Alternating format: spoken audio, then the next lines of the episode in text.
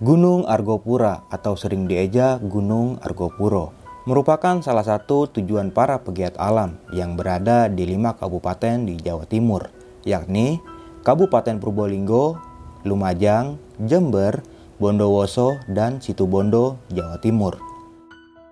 Gunung yang mempunyai ketinggian 3088 mdpl tersebut termasuk bagian dari pegunungan Hyang sehingga kompleks ini sering disebut Hyang Argapura. Gunung ini mendapat predikat gunung terpanjang di Pulau Jawa, yaitu sekitar 63 km. Sama seperti gunung lainnya, Argopuro juga menyimpan banyak cerita mistis yang menyeramkan. Salah satunya adalah cerita dari seorang pendaki asal Surabaya yang bernama Angga. Kala itu Angga mendaki bersama beberapa temannya melalui jalur Baderan di saat itu pula lah Angga mengalami banyak gangguan dari makhluk yang tak kasat mata. Hingga puncaknya, Angga sempat memasuki dunia lain di daerah hutan lumut Argopuro. Mau tahu kisah kelanjutannya seperti apa? Duduk manis, siapkan cemilan, dan selamat mendengarkan.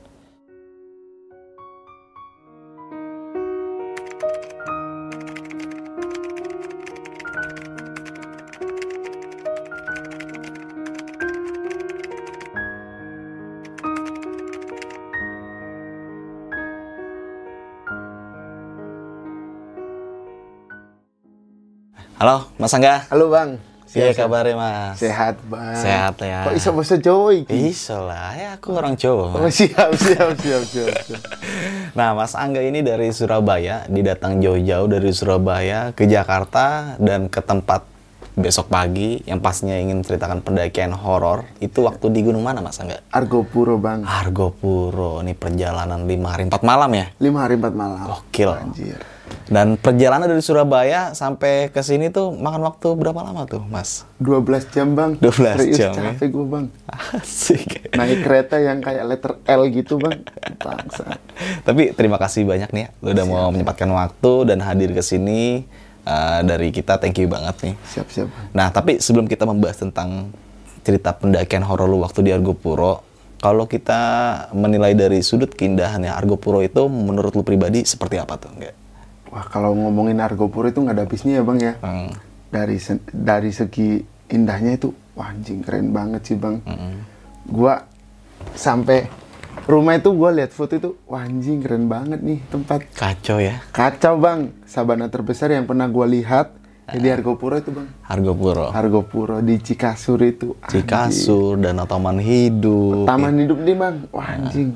Danau Kolbu. Danau yang gua anggap sebagai danau terbaik di atas gunung Oke, setelah Semeru, Ranu Kumbolo. Ranu Gumbolo. Jadi Argopuro itu keindahannya sangat luar biasa banget ya. Jadi teman-teman semua yang ke Argopuro itu merasakan untuk balik cepat itu sayang banget. Sayang banget bang gitu, apalagi Dan- keburu-buru itu. Ah itu asli banget itu dan kayak nggak mau balik aja ke rumah karena nyaman di Argopuro. Sadu banget. Shadow ya. Shadow. Tapi selain kenyamanan juga kita harus memperhatikan safety dalam pendakian karena dalam setiap pendakian juga kita nggak asal-asalan aja. Benar. Harus punya perhitungan yang matang dan yang penting naiklah bersama orang berpengalaman kalau kita sebagai pemula ya. Siap. Dan yang pastinya kita mempelajari berbagai informasi tentang jalur pendakian yang bakal kita daki Lewati. itu. Oke. Nah, sekarang kita bahas horornya nih. Ya. Nah, kalau boleh tahu di Gunung Argopuro, Mas Angga nih ya, ngalamin kejadian horor apa aja tuh singkatnya aja. gue ketemu sama orang yang orang itu nggak pernah lihat liatin wajahnya ke gua bang Oke. terus gua ketemu sama orang yang ngadain hajatan di tengah hutan Oh, berarti dalam pendakian lu itu melihat ada salah satu hajatan. hajatan yang dilaksanakan di tengah hutan Wah, aduh, gokil sih ini menurut gua. Nah, tapi teman-teman semua nih penasaran sama cerita Mas Angga. Lu simak aja cerita ini sampai habis karena di situ banyak banget nanti pesan-pesannya dan pelajaran-pelajaran yang nanti bakal kita dapatkan dan pastinya kalian bisa mengambil sisi positifnya dalam cerita nanti yang akan dibawakan oleh Mas Angga kali ini. Dan kita mungkin gak usah bertele-tele waktu lagi kali Mas Angga ya. Siap, siap. Dan teman-teman semua mungkin penasaran sama ceritanya Mas Angga seperti apa dan kayak gimana. Kita langsung aja masuk ke ceritanya.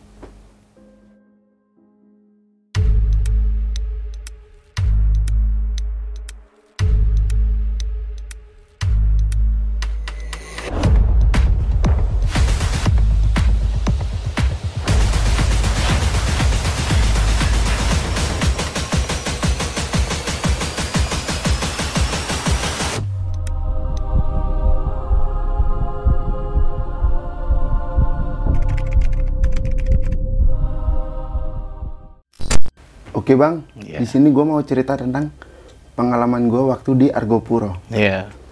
tahun 2020 bulan Februari. Mm-mm. Ini gue ceritain dari awal ya.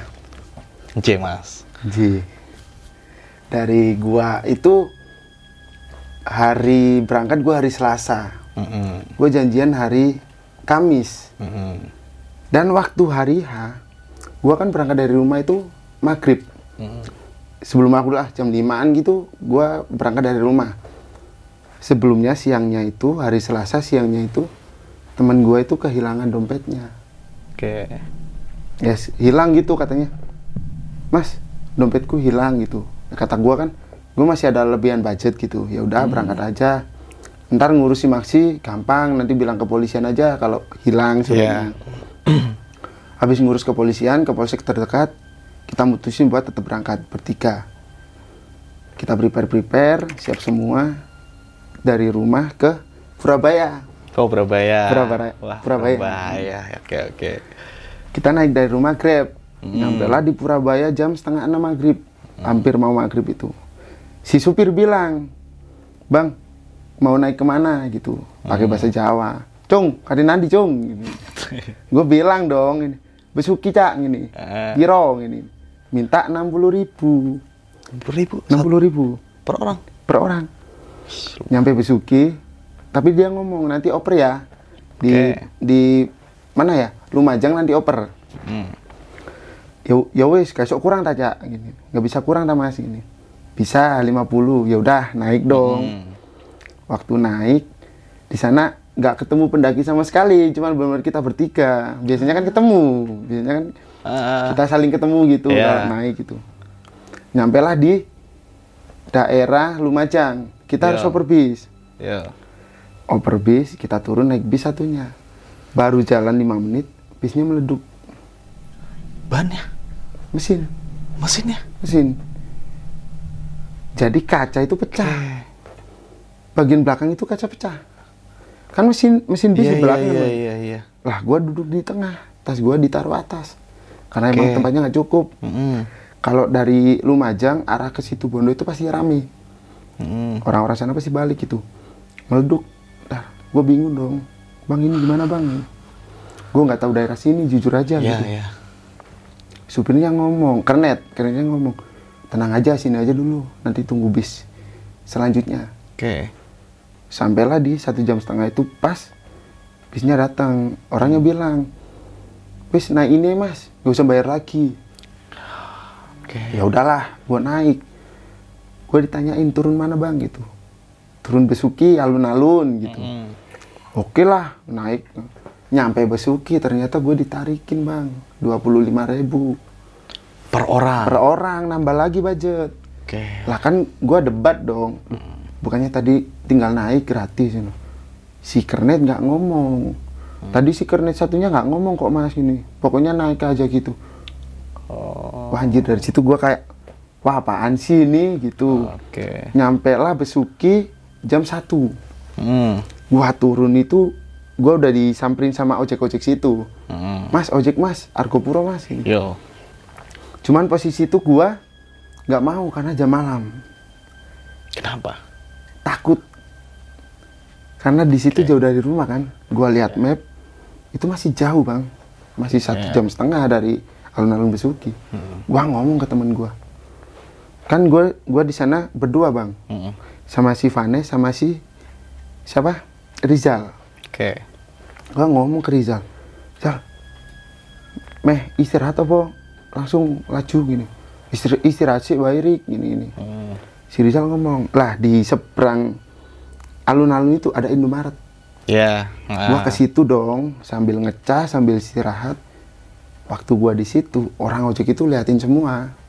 Kayak kenapa sih mas ini nggak mau nas- langsung naik ojek gitu? Yo. gua ngerasa takut gua ngerasa terancam kan kayak. Ah. gua langsung la- jalan bukan lari jalan noleh kanan kiri. Ternyata ada kayak koramil gitu. Tempat TNI Yo. koramil TNI gua permisi pak. Permisi kita bisa numpang sehari nggak di sini pak Mm-mm. mau ke Argopura ya mas ya iya pak tapi kemalaman nih datangnya ya udah mas tapi masnya tidur di masjid Oke. Tapi masih lingkupan Koramil ya? Ya masih kor- koramil, ditawarin lah di ruang serbaguna. Yo. Awalnya ditawarin di ruang serbaguna, cuman gue lihat wah anjir kok ngeri. Maksudnya gelap gitu, ruang Iya, serbaguna kan iya. gelap gitu. Banyak tandu-tandu. Ah, ah, Dari koramil kan gue parno bang, lihat-lihat gitu. Gue milih ke masjid karena mungkin ngerasa aman aja di masjid. Mm-mm. Jam 2 kita ke koramil, kita ngobrol sama orang-orang TNI itu. Mm. Dia ngom beliau ngomong punya kenalan orang ojek. Untuk nganterin ke Ke base camp. base camp. Yo. gua ngomong oh iya pak ini ber- berapa gitu 70.000 ribu emang nggak bisa kurang pak uang kita ngepres gue ceritain yang di bis tadi itu yang Oke. dipalakin eh bukan Ah. dipalakin dika- ditambahin uang itu Mm. berapa ya mas ya kalau 60 sih bisanya 50 nggak bisa ya udah gua nggak ambil pusing ya pak pesenin janjian jam 5 pagi orangnya udah jemput Oke. karena orang TNI itu juga tahu estimasi waktunya kan pak Iya, iya iya. iya kan mas gitu Hmm. Iya. di situ orang TNI-nya kembali ke shelternya udah jaga normal gue di masjid gue bertiga itu mau tidur. Cuman nggak bisa. Kenapa? masjid kan modelnya kan buka semua jendelanya kan. Iya. gue mau tidur. Kayak ada orang yang liatin dari luar. Oh, sesepi itu berarti. sesepi itu bener-bener sesepi itu daerah situ. Bener-bener kanan kiri itu pohon. Pohon pohon terus tempat wudhu. Lah di tempat wudhu itu kayak gue ngerasa waktu gue balik badan gini nggak apa nggak apa-apa. Gue gini kok ada yang lihat gitu. Mm-mm. gue mutusin buat kembali lagi ke Indomaret. Nyari refreshing lah katakan. Iya. Sal aku main ning Indomaret Sal. Mau apa cak? Gini. Gak apa-apa pingin tuh jajan pingin beli jajan gitu. Si Rizal ngomong ah edan po kowe? Aku ditinggal dewenan gini. Apa stres apa kamu? Aku ditinggal sendiri. Nah si Vanes ini udah tidur. Karena dia benar-benar capek gitu. Ya udahlah ki- kita berdua ke jalan jalan keluar dari masjid itu di belakang itu kayak ada orang jalan gitu perasaan pasti kita punya perasaan kan bang kalau diikutin orang itu Iya. pasti kan gitu Ah. tapi itu bukan orang gitu Apa? gue balik lari gue balik hilang gitu Oh. dari situ masih gue masih mikir normal mungkin halusinasi gue gue kecapean gitu Mm. gue nggak masalah gue nggak cerita ke Rizal gitu nyampe lah situ nyampe jam 4 nyampe di, dari Indomaret nih gue nunggu sampai jam 4 balik lagi ke masjid itu gue bangunin si Vanes. Des tangin des. Eh tanpa turu terus kowe iki. Tak pegel po gini, gini bangun gini apa kamu nggak capek tidur terus gitu? Eh. dia bangun gue gantian tidur. Bentaran doang. Jam 5 ojek udah datang Wah, spare waktunya tipis banget ya. tipis banget. Di situ pendakian lima hari loh bang. Gua Iya. gua baru bisa tidur sejam gitu. Ah. gua maksain ya udahlah berangkatlah kita kita nggak enak udah janjian gitu. Tiga motor. Vario Scoopy sama Vega. VGR. VKR Hmm. di situ tas itu ukurannya sama kayak kita bang. Besar besar kan bang? Iya, kayak iya. besar besar gitu. Gue pengennya naik yang vario udah keduluan sama si Rizal. Mm-mm. si Scoopy ini di- dinaikin sama si Vanes. Mm. gua terpaksa naik Vega. Anjing ban cacing Waduh. gue juga ya nggak yakin dari awal. Iso tuh. nambal. Tambah. tiga kali. Sumpah demi Allah nambal tiga kali bang. Gue jalan asli. pamitan sama TNI. Pak makasih banyak pak.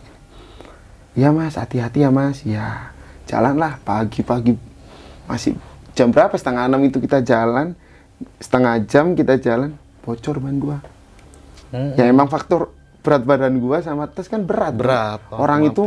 Gampangin awalnya Mm-mm. Bannya juga nggak nggak safety juga normal kan? Iya, ya Normal. waktu bocor pertama gue mikir ya udah bocor aja sih nambal pak. Mm-mm. gua keluarin uang 15.000 ribu. Ini pak buat nambal. Jalan 15 menit bocor lagi. Bener-bener bocor lagi. Kayak ditambal itu udah aku lihat ya tambal itu emang normal terus jalan lagi 30 menit waktu jalan tanjakan bocor lagi. Gue capek karena gua. Capek finansial juga. Asli. yang awalnya 60 gua Heeh. ngeluarin lebih dari 100 Iya, benar. akhirnya bapaknya ngomong gini mas tunggu sini dulu ya. Tak cari tambal ban.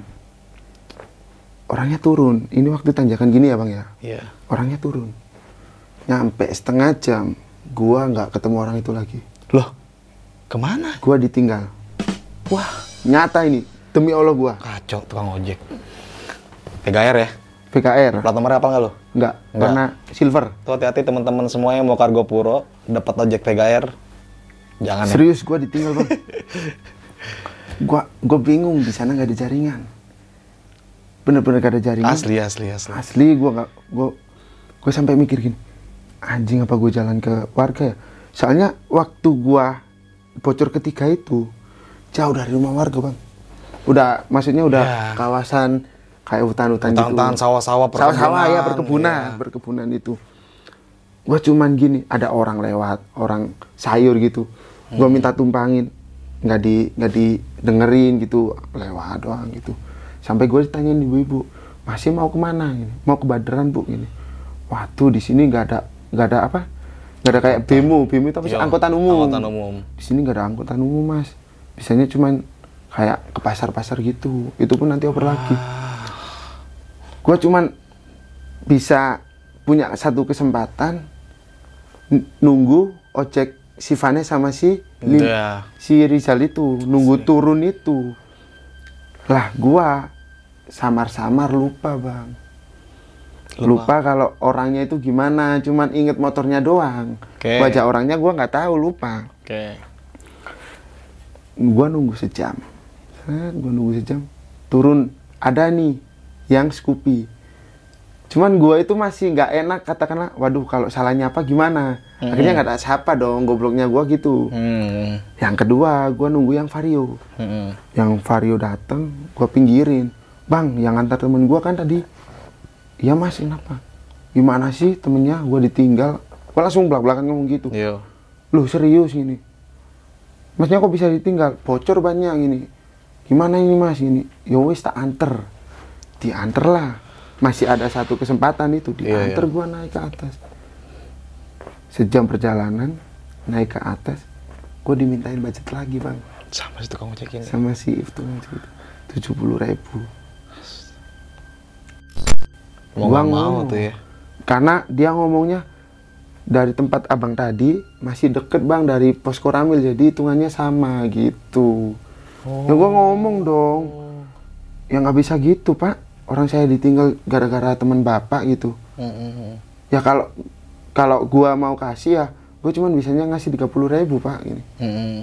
Kalau bapak nggak mau ya udah kita urus lagi ke koramil. Gua ngomong gitu bang. Hmm. Kita harus lagi ke, ke, ke- ah ke koramil gitu.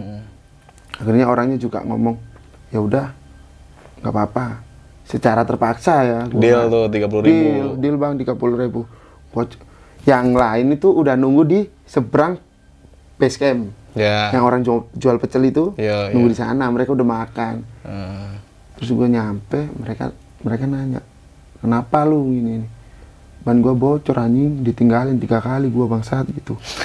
Lo kok bisa? Ya bisa, kalau nggak bisa gua gak cerita anjing Iya. gitu. Gua kan udah emosi ya bang ya sama orang musiknya. Kita makan, jam 9 kita makan. Jam 10 lah kita simaksi, baru kita berangkat. Langsung berangkat. Langsung. Oh, berarti nggak istirahat lagi di base camp langsung Enggak, berangkat. langsung. 9 pagi itu datang, kita Iya. makan, simaksi, berangkat jam 10. Wih, gokil. Gua nanya di tahun 2020 itu belum ada pangkalan ojek. Mm-mm. Cuman ada orang-orang duduk-duduk aja di gazebo gitu. Mm-mm. Sama bawa motor gitu. Gua nanya, "Pak, ini kalau jalan lama loh, Pak ini. nggak ada ojek." Wadah, Mas. Berapa? 110 Per orang. per orang. Sampai, Sampai mata air satu. wah lumayan mahal ya.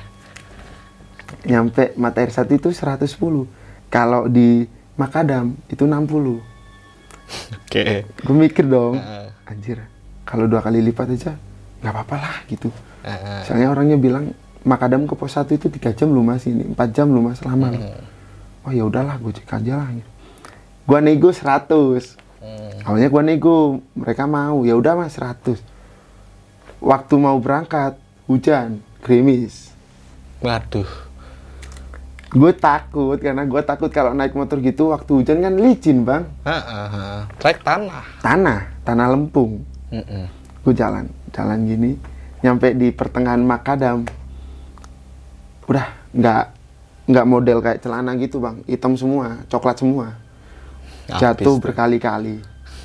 Batu jatuh gitu. Ya. nyampe lah di setelah makadam itu ada tanjakan yang bener-bener lumpur semua. Iya. Ah, kita berhenti kita masang rantai yang ada di ban Ya. jadi ban itu dikasih rantai, Bang. Santai, itu cara warga lokal. cara warga lokal gitu ojek-ojek gunung kayak gitu ya. gue tanya gitu buat apa mas ini ya kalau di sini pakainya ini mas soalnya kita minim budget buat ganti ban Asli. ban kota-kota itu loh bang Iya, bang tahu. Hmm. ban tahu itu ini alternatifnya pakai ini wah unik ya bang gitu dari situ gua mikir gini orang yang pakai ojek aja lama kayak gini apalagi jalan gitu. Mm. anjir salut sih sama yang jalan itu keren. Nyampe sana hujan terus bang. Makin hujan. Wah parah nih. Brengsek brengsek dalam hati gua gitu. Udah belum berangkat kaki tuh udah coklat semua. Mm-mm. gua, gua pakai celana jeans juga gitu. Salah gua kan di situ. Mm-mm. nyampe lah kita perjalanan itu selama dua jam Sampai Makadam. Sam- sampai matahari satu Wih, dua jam. dua jam Pangkas waktunya mangkas waktunya lebih dari empat jam asli asli. nyampe itu setengah 12 kalau enggak jam 12 mungkin segitu sekitaran segitu ya mas Iya. nyampe gitu gue istirahat dong capek karena bola balik jatuh gitu Mm-mm. lah kan gue juga nggak tega sama orang gojeknya Mm-mm. oh ternyata kontur kontur tanahnya juga susah gitu gue Iya. ngomong ke temanku des dilebeni apa orang des ini? Ya dilebeni wae apa-apa gitu. lah kan 300 ya bang ya? Total semua dari nego itu. Gue kasih 350 lah. Ah, bang karena dibagi ya bang? karena kasihan. si anjing kayak anak kecil rebutan. Gue aku piye oh bangsa di situ gue bisa ketawa? Ya udahlah oke enjoy. Relax gitu. Lah di situ gue istirahat 15 menit lah cepat-cepat bikin kopi jam satu eh jam setengah satu kurang itu gue berangkat bang Oke. mulailah pendakian yang sesungguhnya Mm-mm. belum gua jalan lima menit itu ada tiga orang Tiga orang. tiga orang cewek dua cowok satu Ya. dia nunduk baru berangkat ini ketemu tiga orang Mm-mm. dua cewek satu cowok dia nunduk benerin tas biasa kan kalau orang di gunung itu kalau ketemu kan saya hello. Iya. bang dari mana bang? Gitu. Hmm. bang mari bang gitu. Gua ngomong gitu. Dia nggak nyaut bang. Flat aja gitu. flat. Diem aja nggak noleh nggak apa. Gua tetap jalan dong. Gua gua positive thinking. Oh mungkin mungkin apa? Mungkin kecapean. Ya. ya udah gua nggak ganggu gitu. Gua jalan. Jalan jalan jalan. Di pertengahan pos 2 sama pos 1 gua baru ingat kalau orang base camp itu ngomong selama tiga hari kemarin itu nggak ada pendaki yang naik Oh. Ya ya ya ya. bener-bener nggak ada pendaki yang naik Oke. dari situ gua kepikiran cuman gua masih positive thinking oh mungkin dia turun Mm-mm. turun dari Bermi ke Baderan Mm-mm. mungkin dia lintas oke gua tahan lah gua nggak cerita ke Rizal si Rizal juga nyapa cuman nggak di nggak di notice gitu Iya, makanya. iya. jalan nyampe di pos mau ke pos 2 itu ada kayak palang kayu itu tulisannya jangan ke sini ini area hewan buas Oh iya. iya kan Ha, ha. di situ gua nemuin jejak kaki macan Wih. Gimana tuh reaksinya? pertama gue nggak tahu bang itu apa gue lihat lagi gue amatin sal iki macan anjing. Selamat tamu angin yang ngomong gitu bang. Selamat tamu iki serius aja gini. Ya rapopo torik ini rapopo matamu iya gini tetaplah kita jalan bang. Kita masih terhibur lah kata. Mm. dari situ hujan mulai terus. Hujan lagi. Mm. dari situ hujan lagi. Kita maksain buat berhenti. Ya. nyampe lah pos 2 kita berhenti bang mata air dua pos mata air dua. Iya. kita berhenti. Kita pasang flashlight Mm. niatnya kan emang hujan. Pos 2 itu agak turunan gini bang. Mm-mm. dan ini kontur treknya kan tengah ini ada buat trek Mm-mm. motor. Mm. situ gua pasang flashlight sal pasang flashlight sal. Kita pasang. Ternyata hujan makin ke, eh, makin lebat bang. Wah, kabut turun lama tuh di situ berarti. lama banget sejam. Lah gua lihat temen gua yang Vanes ini. Vanes ini bis- biasa dipanggil Lilo. Lilo. Lilo ya. Ini orang yang perempuan ya, Vanes ini. laki. Oh, laki. laki. Oh, biasa dipanggil Lilo. Lilo. Lah si Lilo ini dia kedinginan. Karena emang suhunya dingin. Gua gua akuin waktu itu dingin. Lah gua khawatir. Anjir. Nes piye Nes? Rapopo Nes ini. Nggak apa-apa ta Nes ini. Rapopo ori ini tenang. Lah gua ngeluarin foil. Iya, aluminium foil. aluminium foil buat nge-backup harness itu. Des nggak bikin Des ini nih dipakai lah dia. Kita nunggu 15 menit 20 menit. Hujan reda. Iya. gua kasih fresh care lehernya. Hmm. yuk jalan yuk ini. Masih jauh ini.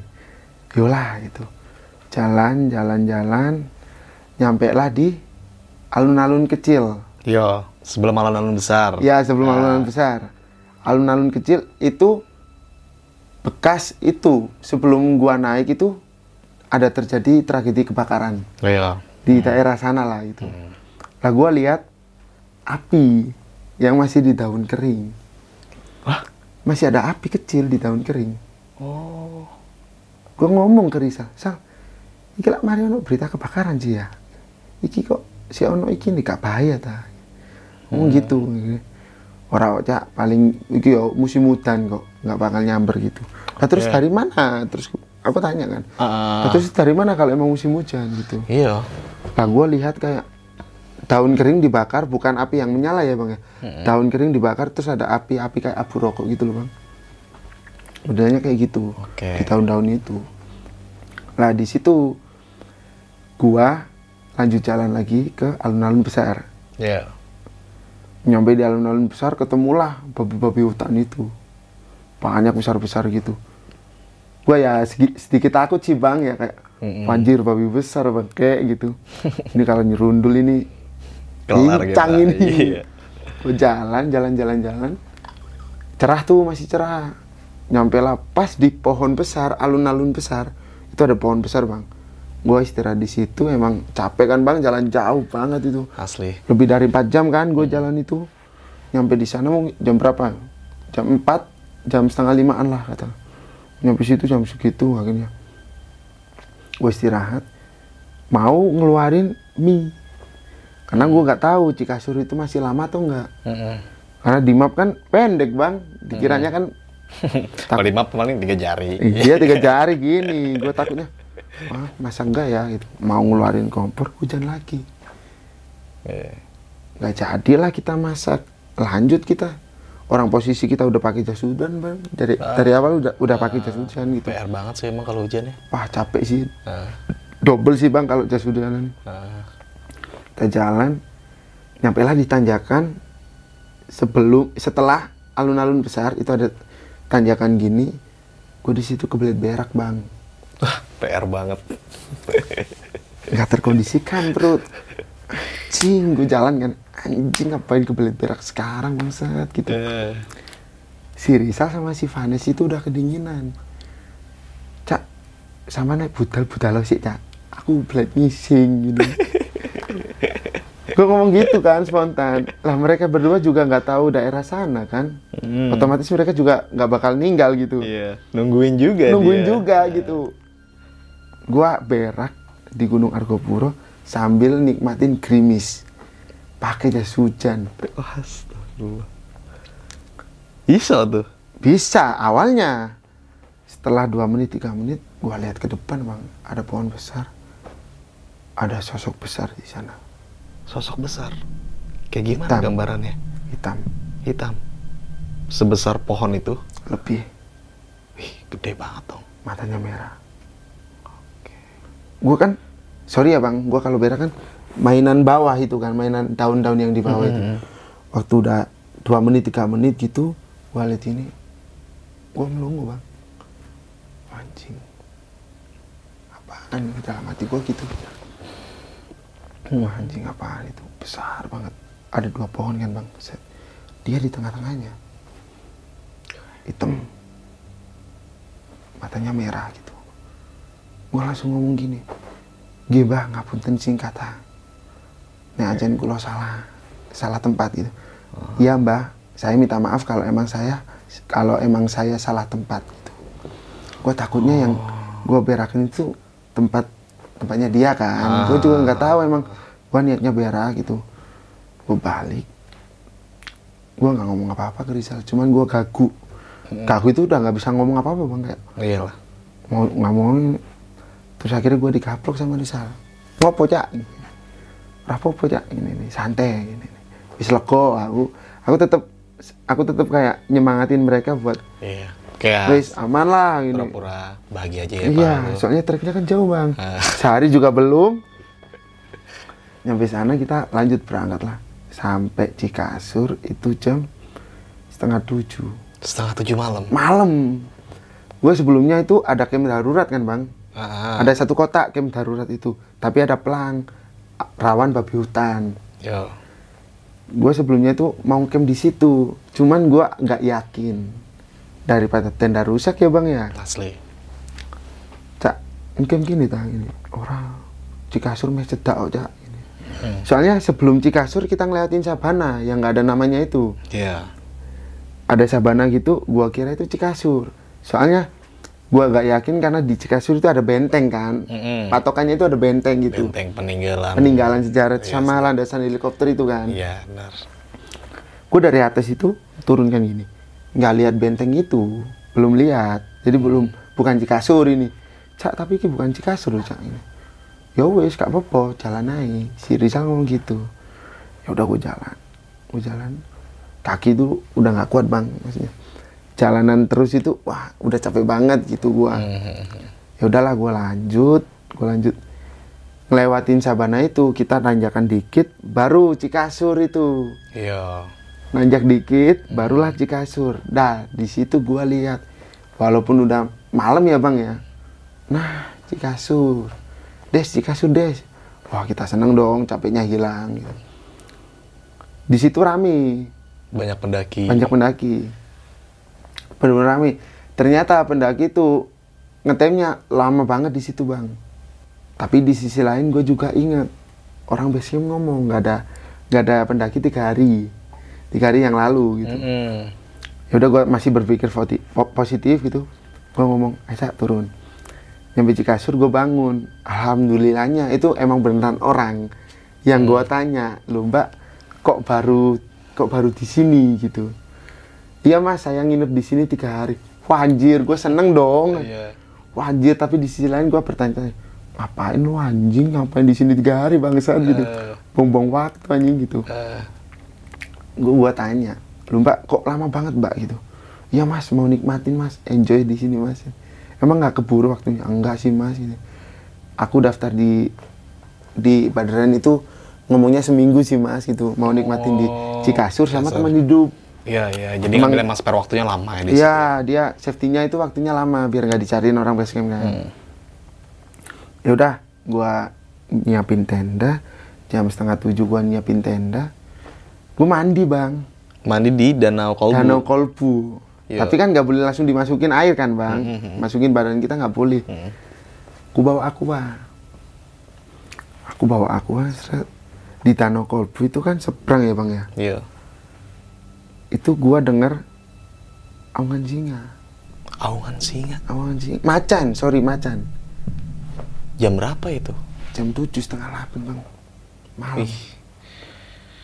Oke, dan itu kondisi lu sendiri. Se- Berdua sama si Berdua. Si Vanes lagi masak. Gue emang bagi tugas bang kalau naik. Mhm. Des, gue masa dhisik, aku tak adus. Iya. Kau naik aku baratus, gue mangan, bebas, gue meh turu, bebas. Gue mandi sama si Rizal. Sal, adus Sal, yuk. Pas mandi, mindahin aku ke air, mindahin air ke aku, mandi kan pelan-pelan gitu. Wow. Wah gila, panik sih gue. Gue gue cengeng bang, kayak diem aja gitu. Ah, Gue diem gitu. Gue noleh ke Rizal. Cak, kerungu cak. Gini. Kerungu cak gitu. Oh foto gue. Oh, paling macan gitu. Lah kan sepengetahuanku macan itu keliling kan malam hari kan. Iya. Menjelang malam hari gitu. Mm. gue langsung ngegas buat nggak jadi sabunan nggak jadi mandi cuman bilas doang gue langsung naik dan gue nggak ngomong ke siapa pun Yang tahu cuma berdua doang aja ya. nih. sal ojo ngomong nggak nggak ada sing liani khawatir bikin yang lain khawatir Iya. Iya cak aman aman. Nyampe sana kita masak kita ngobrol sama pendaki lain. Kita ngobrol. Lah ternyata pendaki lain itu juga denger. Tiba-tiba pendaki lain cerita bang. Nggak ada nggak ada sumbu nggak ada api. Tiba-tiba cerita kayak Mas aku lo wingi ketemu eh bukan ketemu kayak dengerin suara macan. Kan pendaki lain ini satunya dia agak sompral mulutnya Yo, yo. agak agak freedom lah katakanlah semua diceritain gitu dalam hati gue wah anjing ngeri ya gitu emang bener-bener sama nge- ngedengerinnya gitu akhirnya, akhirnya ngomong kan nggak apa-apa bang gitu. Kita jauh kok bang dari kawasan mereka. Iya. karena emang Cikasur kan jauh bang. Jauh. dari kawasan hutan bebas lah katanya Jauh, jauh. ya mungkin emang tempatnya di situ gua ngomong gitu kan. Sambil gua toleh-tolehan ke Rizal. Gini wah si Rizal udah paham. Si Lilo si Vanis ini bertanya-tanya kenapa sih kenapa sih gini. Malamnya waktu masuk ke tenda jam 10 itu kita ngobrol di dalam tenda inten Iya. tentang besok pendakian gitu. Si Lilo ngomong lu cak mau ketemu apa? Ketemu dasmu lek ketemu aku Melayu aku ngomong ngono kan mas ya? Aku ngomong gitu bang. Ketemu apa? Kalau ketemu ya aku lari wong orang buktinya tadi aku biasa gitu. Heeh. oh tak kira ngeroki macan pisan ya ini ora gitu. Tak kira dengerin macan juga. Enggak gitu. Tidurlah gua.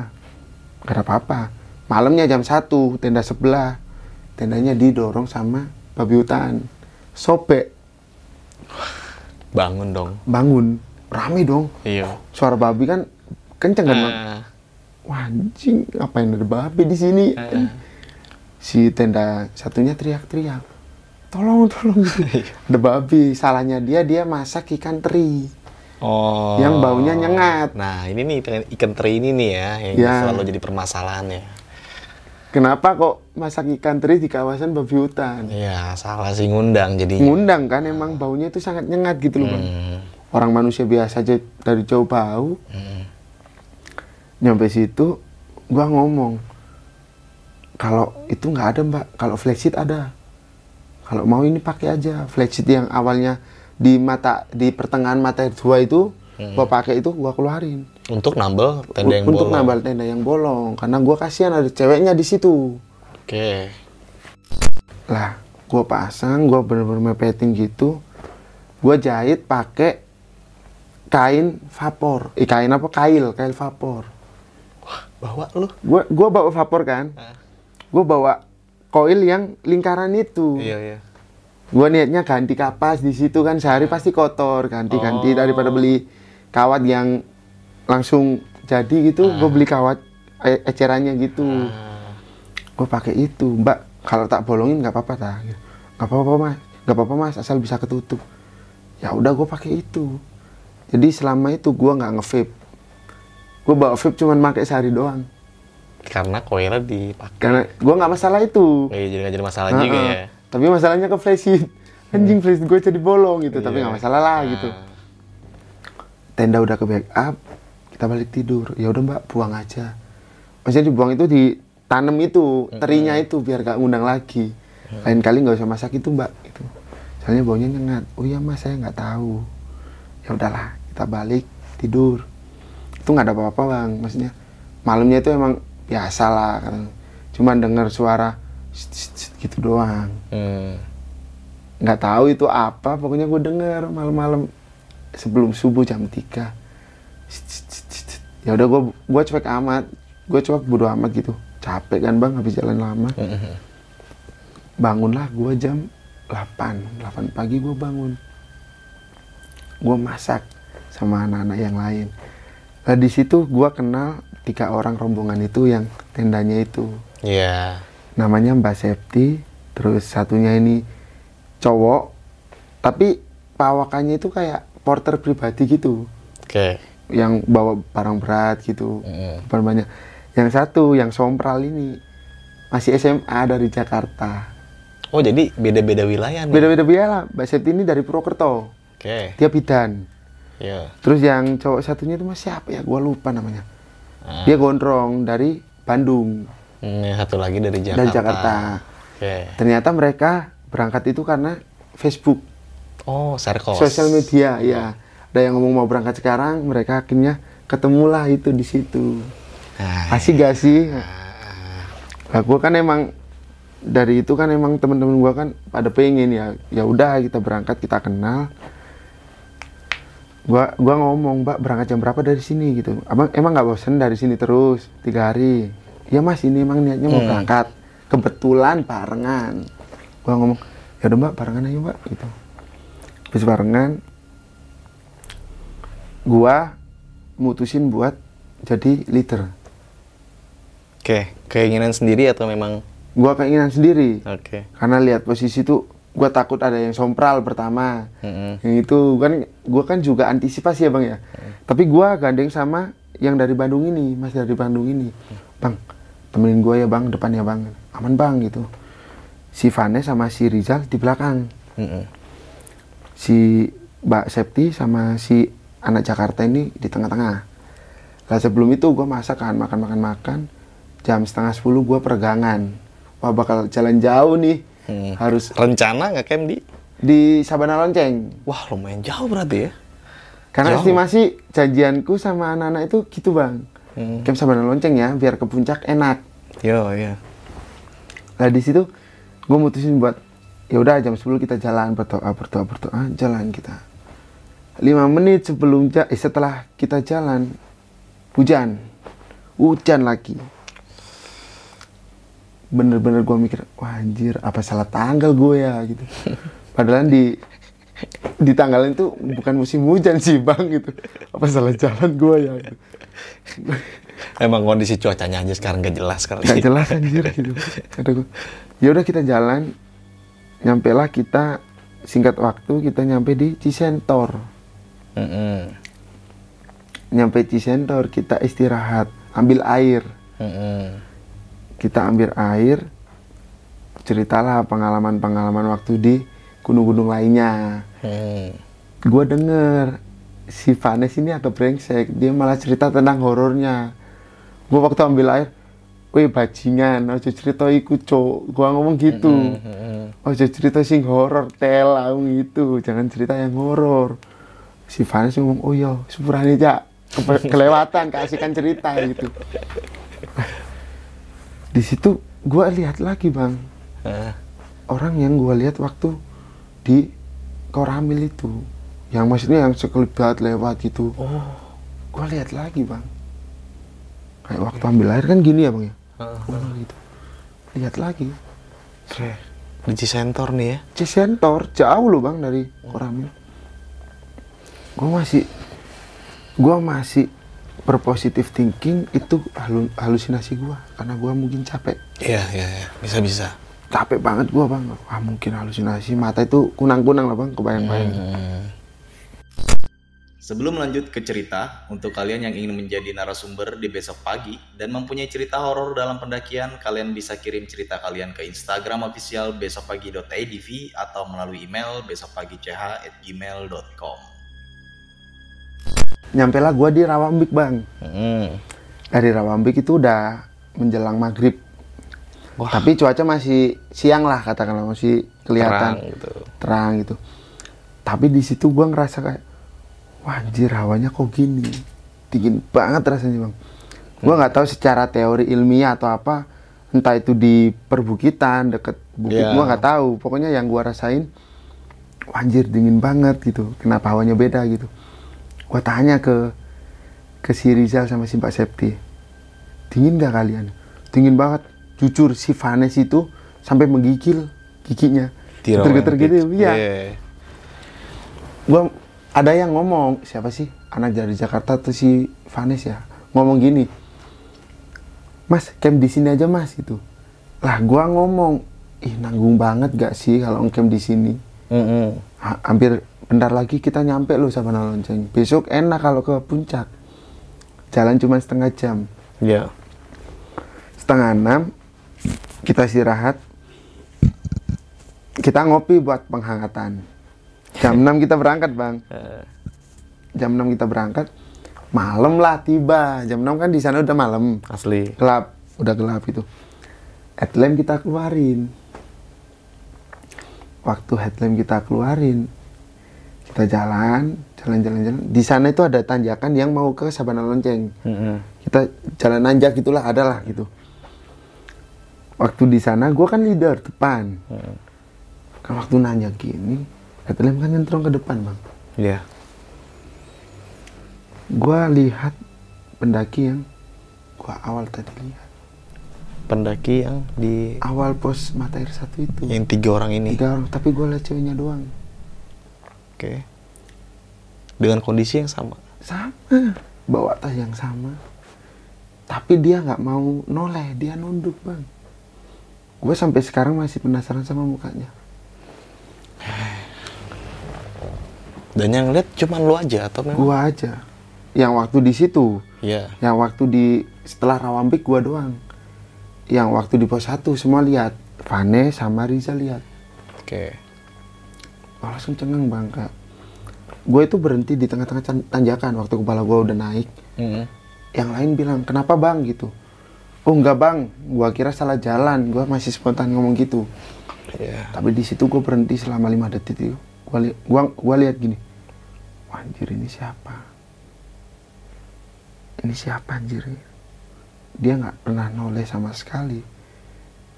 Komunikasi. enggak diem dia. Bang iya mulu gua noleh ke bawah setelah ditanya kenapa bang? Nggak apa-apa bang. Gua kira salah jalan gua noleh ke bawah. Aman bawah aman. Noleh ke atas lagi hilang dia. Langsung hilang dia bang. Gua jalan lah gua maksain jalan gitu. Ayo bang cepetan. Gua agak takut gitu. Di belakang gua itu ada ada orang yang kayak porter itu loh bang yang dari Hmm, Bandung. Hmm. eh bang naik bang mas merasa aman gitu aman lah gitu. Yang lain naik naik naik aman. Istirahat dulu capek gitu. Sambil gua masih belum tenang gua noleh kanan kiri gitu. Iya. gua masih parno gitu siapa sih ini orang? Kok bikin penasaran gitu. Iya. iya. setelah itu kita lanjut jalan. Pokoknya dari situ ke apa? Sabana Lonceng itu butuh waktu 20 menit. Mm-mm. nyampe Sabana Lonceng jam 8 malam perjalanan kita ditempuh 10 jam. Iya. Wah, anjir kata gua. Sampai Sabana Lonceng gue sujud bang. Karena gua ngerasa lama banget itu di jalan. Sujud. iya kayak bangga aja gitu kayak "Wah, anjir gue bisa ngelewatin ini. Karena kan orang biasanya ngomong kalau dari Sabana Lonceng itu udah enak jalannya udah turun gitu. Wah, anjir nyampe Sabana Lonceng di bos gitu. Gue seneng gitu gue diriin tenda gue masak lah keliling kan tenda dua gini ada pada depan gitu. Gua gue masak. Capek cuman masak habis masak makan udah nggak pakai cerita langsung tidur. Gak ada komunikasi. nggak ada nggak komunikasi sama sekali gue bodo amat lah bang ya. Ah bodo amat lah gue capek gue mau tidur gitu. Gue langsung tidur. Nggak tahu yang berdua itu nggak tahu ngapain karena gue langsung tidur itu. Gue bangun jam setengah dua. Setengah dua subuh ya maksudnya. subuh. Iya. kebangun gue bang. Kencing. Wah. aneh-aneh aja anjing. Ini organ tubuh ini kenapa sih? Gue gitu. Kencing gue bangunin si Rizal. Des tangi des. Ewangi aku nguyu des. Apa toh des? Sing dewangi nguyu dari nguyu gitu. Apanya sih yang dibantuin? Kencing tinggal kencing gitu. Taimu aku tisu alah tai kowe des des gak mau bangun dia bang. Gua keburu kencing kan. Gua keluar. Ada apa-apa. Waktu gua masuk gua mau benerin bantal buat tidur lagi. Wah anjing gamelan. Gamelan. Suara gamelan. suara gamelan. Anjing kata gua. Mau tidur? Gini. Udah merem gitu. Gamelan keluar. Oke. Kenceng tuh suaranya. Awalnya samar bang. Gua kira alarm HP sholat tahajud. Karena di situ muslim semua kan bang. Mm-mm. gua kira tenda sebelah. Tendanya Pak Septi itu. Iya, iya. gue bangun gue ikutin suaranya. Kok pindah-pindah? Dari sorong tenda pindah ke sini pindah ke Mhm. gue tidur lagi. Oh makin kenceng suaranya itu kelangkung kelangkung gue di situ nggak bisa ngomong apa-apa. Gue takut pasti gue takut itu bang. Gue bingung. Masalahnya ini bukan gunung pendek bang. Mm-mm. ini gunung terpanjang se-Jawa kan? Mm-mm. gue takut itu. Apa yang terjadi gitu? Nggak tahu kan? Gue maksain. Anak dua itu gue bangunin bang. Gue siram pakai air. Gara-gara Oke. gue takut itu nyet tangi nyet des tangi des ini apa cak ini sikilku kram aku ngomong gitu. Gue masih gue masih berakal sehat gitu. Des tangi des. Mau pecah ini ngopo des ini sikilku kram pijetin des ini tolong des ini gue lah koncoku sih des. Dalam hati ngomong juga terpatah-patah bang. Yang takut itu. Waktu mereka bangun gamelan hilang. Suaranya hilang setelah dipijetin gue bisa tidur. Gue masih bisa tidur. Jam 4 gue denger lagi bang. Empat subuh. pas subuh gue denger lagi. Reaksi lu gimana ketika ngedengarnya kedua kalinya ini? ya gua mau bangun gua takut. Gua maksa tidur. Suara itu keliling ke kepala gua gitu. Tapi gua paksain buat ayo habis ini maksudnya ceras maksudnya dalam artian dari malam ke pagi habis ini pagi ayolah gitu. Paksa tidur udah gua ketiduran itu karena kecapean udah nggak mikirin itu lagi ya udahlah. Udah amat Bismillah gitu gua ngomong gitu gua tidur. Jam 7 gue bangun. Si Vanes tiba-tiba ngomong gini kok wingi nguruk ono ringtone ya gitu. Kok aku kemarin ngedengerin ringtone Oke, yang waktu subuh-subuh ini. iya subuh-subuh ini. Tapi si Vanes nggak ngomong apa-apa gitu kan sama-sama tidur bang. Balik muka gitu. Jadi kan mungkin dia juga dengar suara itu. Cuman sekelipat gitu. Lah gue dengar dari kecil ke besar. Makin kencang makin kencang gua pusing akhirnya itu. Gua gua stop buat dia cerita itu. Maksudnya gua cut off kalimat itu biar dia Iya, nggak iya. tanya lebih detail itu terus gua ngomong orang des. Paling kue mimpi anjing. Ngomong gitu gua. Kita masak kita langsung ke puncak. Nggak bawa tas. Ya, untuk ke puncak Rengganis Heeh. dulu. puncak Argopuro dulu. Oh, Gua itu naik gitu? ke iya naik ke Argopuro dulu foto-foto baru gua ke Ringganis walah, iya. turun lagi naik lagi ke Ringganis Eh, setelah itu turun jam 8 kan kita mulai naik itu cuman bekal roti doang. Mm-mm. kita turun lagi dari Ringganis nah itu berangkat ke puncak itu nggak bareng Mbak Septi. Mbak Septi masih tidur. Oh, waktu turun Mbak Septi bangun katanya. Udah di puncak mas? Udah. Bagus mbak gitu. Walaupun di atas cuman pohon doang ya viewnya. Sama batu gitu kan. Ini bagus mbak itu naik. Kita masak. Aku ngomong ke mas yang dari Bandung itu mas bawa makanan apa tuker dong maksudnya biar bisa dimasak semua Mm-mm. dia bawa selada air yang dari Cikasur. di kasur lah gua kepikir masak apa ya masak sop lah akhirnya Jadi tuh, jadi dong gitu. sop salada air. Sop selada air itu kan simpel-simpel, yang penting berkuah kan bang ya. Iya, iya, iya. Asik sih. Gue masak sop, cuman modal apa? Kentang sama wortel, sama selada air itu. Gue masukin semua yang dia bawa gitu. Gampang lah nanti makan di taman hidup gampang gitu. Gue masih ada stok gitu. Di situ gue makan, enak bang. Udah makan sama-sama, lanjutlah buat packing. Buat jalan ke taman hidup. Mm-mm. Lah waktu jalan si Rizal ini tiba-tiba kaku. Gagu itu kayak cengang, diem aja tiba-tiba. Oke. Kan waktu di perjalanan gue belum tahu ini diceritain waktu turun. Oke, berarti sempat dia lu dia gagu si Rijal gagu nih, lu nggak ada respon sama sekali.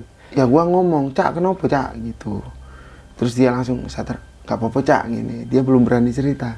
Oke. Yang dia lihat itu kakek-kakek tua. Kakek-kakek tua. Kakek-kakek tua dua orang yang mukanya pucat banget. Oke. Gue nggak tahu kakek-kakek tua itu dari pendaki yang awal itu Hmm. yang ketemu di pos materi satu itu atau orang baru lagi gue nggak tahu bang. Pokoknya dia ngomongnya kakek-kakek itu. Gue jalan lah. Aja Bismillah gitu. Lihat dari raut muka kan kelihatan bang pucat gitu. Ayo bang jalan bang. Eh ayo ayo sal jalan jalan Bismillah gitu akhirnya jalan-jalan-jalan formasi dirubah bang. Gua depan eh sorry yang orang Bandung depan terus si Rizal si Lilo gua Mbak Septi sama orang Jakarta. Hmm. di situ emang Mbak Septi tuh udah capek banget lah katakanlah. Ya. udah jalan 5 menit istirahat 10 menit. Jalan 5 menit istirahat 10 menit. Lah yang orang Bandung sama si Rizal ini sedikit kayak maksain buat ayo ini cuman turunan kok Oke. dipres dikit lah gitu nyampe lah Sabana Lonceng kita lewat puncak Hyang turun kan Mm-mm. turun jalannya itu udah wah parah sih kata gua Parah. Jalannya. Batu-batuan jurang gitu. batu-batuan jurang itu maksudnya wah kalau nggak kalau hujan ini licin sih iyalah. banget banget gitu Hmm. orang di sana sepatu gua rusak gua ganti pakai sandal itu turun turun turun lah nyampe lah di Cemoro Limo Iya.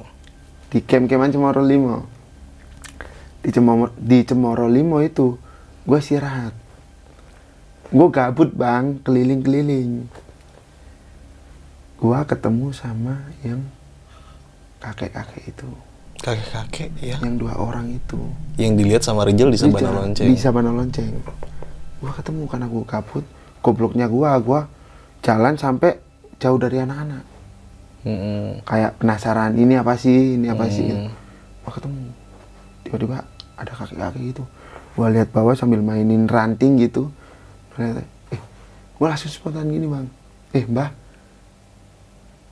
nyapa mbah, ning beriki, ngapain mbah di sini gitu. Iya. Wah kira arit dong bang. Itu muka, mukanya nggak pucat bang. Kayak kakek-kakek beneran gitu. Responnya apa dia jawabnya? Boten le. Mbak, deng mriki kok. Wis ket wingi-wingi. Mbak di sini udah kemarin-kemarin gitu. Gua nggak ada pikiran negatif karena emang gua kiranya itu orang Ya. sana kan gitu. Oh, Gimba, kulo pamit Gimba gini. Simbahnya tuh ngomong, "J, hati-hati." Oh gitu. Ya udah, gua gua dalam hati, Gimba matur nuwun gitu. Pamit Gimba, Assalamualaikum gitu. Jalan leher ini tiba-tiba pengen lihat ke belakang, Bang. Kayak noleh gini udah hilang. Hilang langsung. Kakek-kakeknya itu, dua orang itu. Gua langsung lari ke anak-anak. Eh, Apa cak Melayu cak? Rapopo ngetes fisik kok gini, mosok lemah. Aku masih ngomong gitu bang ke anak-anak bang. nggak mau terbuka di Nggak mau, juga ya. egois gua bang. Walaupun gua ketakutan tapi alhamdulillah gua masih bisa ngatur porsi ngomong gua gitu. Hmm. Gak apa-apa, ngetes fisik lah. Mosok lemah gini. Jadi gini. taunya anak-anak tuh ya lu kondisi baik-baik aja gitu. Ya, gua nggak mau bikin mereka kepikiran. Karena ketambahan di sana ada cewek. Mbak Septi itu. Ya. akhirnya dari Cemoro Limo kita mastiin buat jalan lanjut oke lah jalan nyampe di dekat hutan lumut sebelumnya itu ada pohon jati. Ya. di situ Mbak Septi udah nyerah lah katakanlah capek lah. Mas istirahat mas ini. Nah gua takutnya nyampe nya kemalaman semua. Gua ngomong ke orang Bandung itu. Mas masih dulan aja sama si Rizal sama si Vanes. Bangun tenda aja dulu nggak apa-apa. Di? Di taman hidup Wah, oke. Di taman hidup tak suruh bangun tenda dulu gitu. Gak apa-apa bangun tenda masak-masak aja makan-makan aja bebas gitu. Kita tuker tas. Tas yang tenda di tas gua awalnya gua tuker sama tasnya si Rizal. Si tasnya yang ada tenda itu ada makanan juga gua tuker. Gue sisain makanan dikit buat cemilan Mbak Septi gitu. Tasnya Mbak Septi dibawa sama orang Bandung itu. Diporterin lah tasnya ditaruh di double lah katanya Gua respectnya sama temen-temennya itu bisa saling backup nggak nggak egois lah katakanlah. Gua respect ini mereka jalan. Udah jauh gua ngomong ke Mbak Septi Mbak ini ini mau menjelang sore loh. Dipres dikit-dikit ya. Hmm. itu gua nyampe di perbatasan itu di setelah Cem- Cemoro Limo itu jam berapa ya? Setengah tiga jam 2an itu. Itu udah masuk hutan lumut. belum Oh, masih belum masuk. masih belum. Masih sebelumnya hutan lumut. Oh iya iya. karena Mbak Septi jalan dikit udah ngerasa kakinya sakit. Terpaksa gua dengan berat hati ngomong ya udah Mbak sebisanya karena gua kalau ngedong Mbak Septi juga nggak at least kan Mak Nggak kan bang gitu di posisi gitu. Si temennya si Jakarta ini juga belum dapat pengalaman lebih lah katakanlah. Kalau gue lihat dari gerak geriknya dia yang celometan gitu gua ngomong ya udah mbak pelan pelan nggak apa-apa. Asal hati-hati. Memang jalannya licin terus turunan gitu. Kita masuklah di kawasan hutan lumut. Tapi itu aku belum tahu bang kalau itu kawasan hutan lumut. Hmm. ya gue pikirnya hutan-hutan biasa gitu.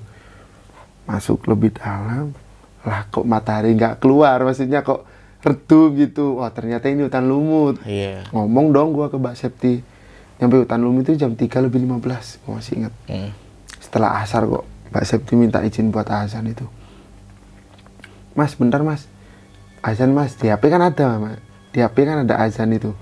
Bentar mas azan. Oh iya mbak. Istirahat. Ya gua sebagai orang yang nge-backup dia otomatis juga spontan lurusin aja kakinya. Tak pijetin dikit-dikit mbak gitu. Iya. oh iya mas. Makasih gitu gimana? Udah mendingan? Udah mas ini kita jalan. Baru masuk hutan lumut. Jalan 10 menit. Ditemukan sama dua cabang gini. Oke. dua cabang gini di sini kita berhenti. Awalnya gua ketemu jalak. Burung jalak. burung jalak. Mm-mm. gua ngomong spontan oh di sini masih ada jalak ya keren gitu gua ngomong keren doang gitu. Jalan jalan dikit gua dengar irama dangdut. Dangdut. dangdut? Serius dangdut demi Allah. Gua denger irama dangdut tanpa musik tanpa kayak ada liriknya. Ya cuman kayak suara-suara musik. suara-suara musiknya doang gitu tanpa ada yang nyanyi. Yang denger lu aja tau. gua aja. Aduh. gua ngomong ke Mbak Septi Mbak Sep denger nggak gitu? Denger apaan? Berarti nggak denger. Gua langsung cut off itu dalam hati oh berarti nggak denger. Mm-mm. Mas denger nggak yang dari Jakarta? Yang Mm-mm. sompral mulutnya. Mas denger nggak ini denger apa Mas? Gua langsung spontan ngomong nggak ada siulan burung di sini bagus. Gua masih ngomong gitu bang? Masih, Masih menguatkan nutup-nutupin. diri. iya bang. Nggak masih ada burung ini suara burung kicau gitu bagus bang. Mm. Apa gua yang kecapean ya gitu. Gua ngomong gitu. Oh nggak denger mas gitu. Ya udah istirahat. Lah gua dalam hati itu punya keinginan gini. Wah abis ini deket nih. Gua kira itu sound dari anak-anak di bawah. Iya. musik dari anak-anak di taman hidup bang. Mm-mm. dari situ kan persimpangan gini gua berhenti di sini. Nah suaranya itu dari sini bang. Iya iya iya. yang aslinya ke taman hidup itu ke sini gua penasaran. Gua ikutin. Gua ikutin gua ikutin. Nyampe lah di titik suara itu. Apa yang lu temuin? gua nggak tahu gua nggak sadar. Gua masuk ke dimensi lain. Dimensi lain. gua langsung ditemuin sama orang yang punya hajatan gitu loh bang. Hah? orang yang punya hajatan gitu bangun terop gitu tahu terop gak sih kayak Iya iya. kayak musik kalau perkawinan gitu bang Hmm. pernikahan gitu gua temuin gitu bang Hah? Eh, bentar-bentar. Itu itu gimana caranya itu? Lu ngeliat asli gitu? Gua ngeliat asli. Demi Allah gua ngeliat asli. Apa yang lu lihat sekitaran pas lu lihat? Ya orang-orang kayak joget-joget gitu, Bang. Orang-orang kayak joget-joget gitu. Gua nikmatin musik itu. Gue sempet berhenti di situ buat dengerin gitu. Nyampe sih. di hutan lumut kan jam tiga setengah empat ya bang ya. Hmm. Lah estimasi gue berangkat, eh estimasi dari hutan lumut ke taman hidup itu kan cuma satu jam paling lama sejam setengah. Hmm. Lah berhubung gua masuk ke dimensi itu, gua lihat itu gua nikmatin bang. Setelah gua nikmatin, adalah le- lebih dari 15 menit itu.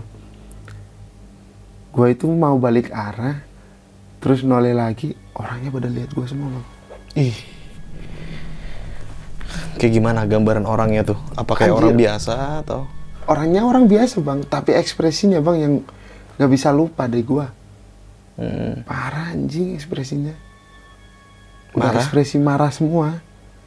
Wah, Kayak ber- cemberut gitu kayak gini. sinis gitu ya. sini udah gua habis noleh belakang langsung noleh depan lagi. Langsung lihat semua. Musik itu berhenti seketika.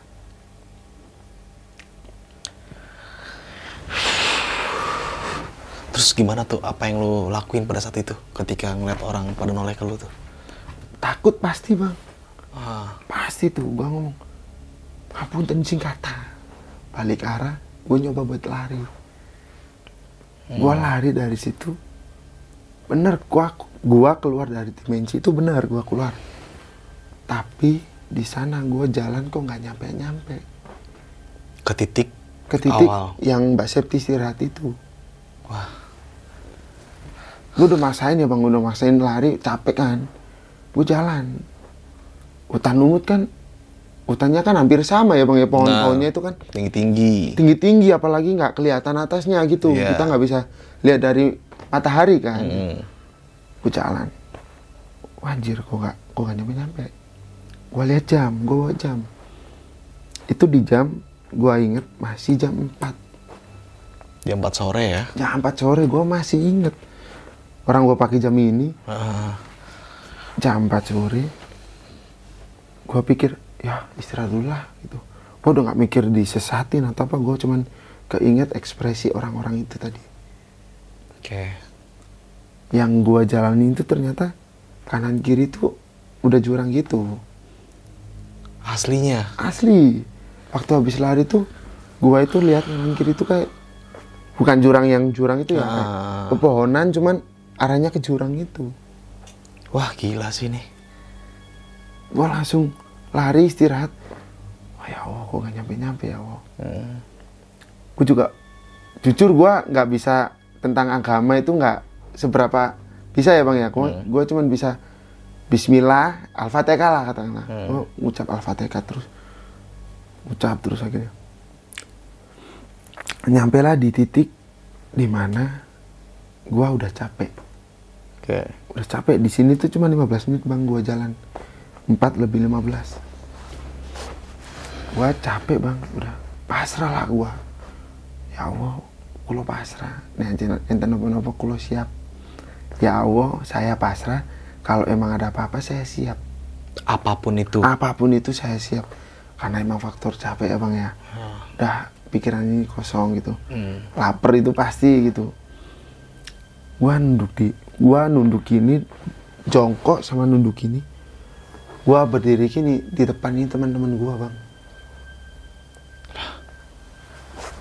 Waduh, kok sampai bisa segitunya ya? gua gini bang ini Iya, iya. kayu kan bang ya Ngerti, ngerti. gua gini se gua gini teman-teman gua semua ada si Rizal sama si Si Sep, Mbak Orang- Septi ini. si Rizal yang habis bangun tenda dia Ah. naik lagi bang Wah, lu tahu jam berapa gua di situ setengah tujuh ih, gila. Tahu tahu. Enggak, sebelum lanjut, minum dulu, minum dulu. Berarti si Rijal ini nyusul lu lagi. nyusul lagi karena nggak sesuai waktu. Gua kan ngomongnya sejam, sejam setengah bang ke mereka. Oke, jadi dia naik lagi emang kondisi dia khawatir sama lu. Khawatir banget bang. kok nyampe habis maghrib kok nggak balik gitu kok nggak nyampe nyampe sorry kok nggak nyampe nyampe gua di situ langsung lihat jam gua gua langsung ditampar sama temen gua Rizal itu tas nopo cak ini ini rapopo cak. Pegel.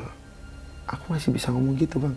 Masih bersikap baik-baik aja masih tuh. bersikap pakai ya cuman Rizal udah ngerasa udah ngerasa udah. Iyalah. pastilah cuman di situ gua ngomong nggak cak pegel aku cak. Ini, ini. saya itu aku pegel ini. Ya aku tak bisa cak. Disusul anak-anak setengah tujuh gua.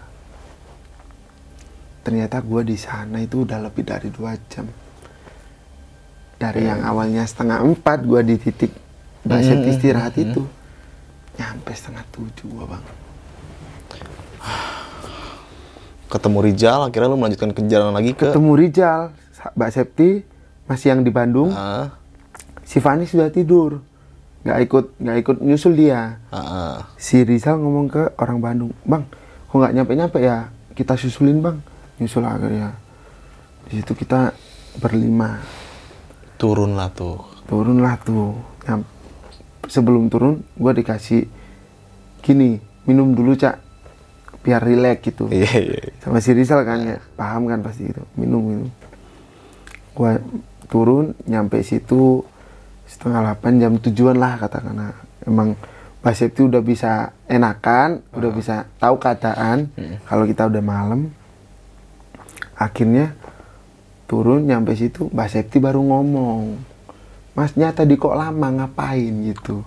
Ini pas sudah sampai danau teman hidup atau? Iya taman itu Oh, udah sampai danau teman Mbak hidup. Septi kan nunggu sama orang Jakarta itu. Mm-mm, nunggu kan juga. Mbak Septi juga mikirnya gue lagi berak. Mm-mm. tadi ngapain mas kok lama itu? Berak gitu gue ngomong iya mbak. Sembelit gue mbak gitu. Gue kalau berak di sini takutnya baunya gak enak. Gue kayak gue sungkan gitu gitu.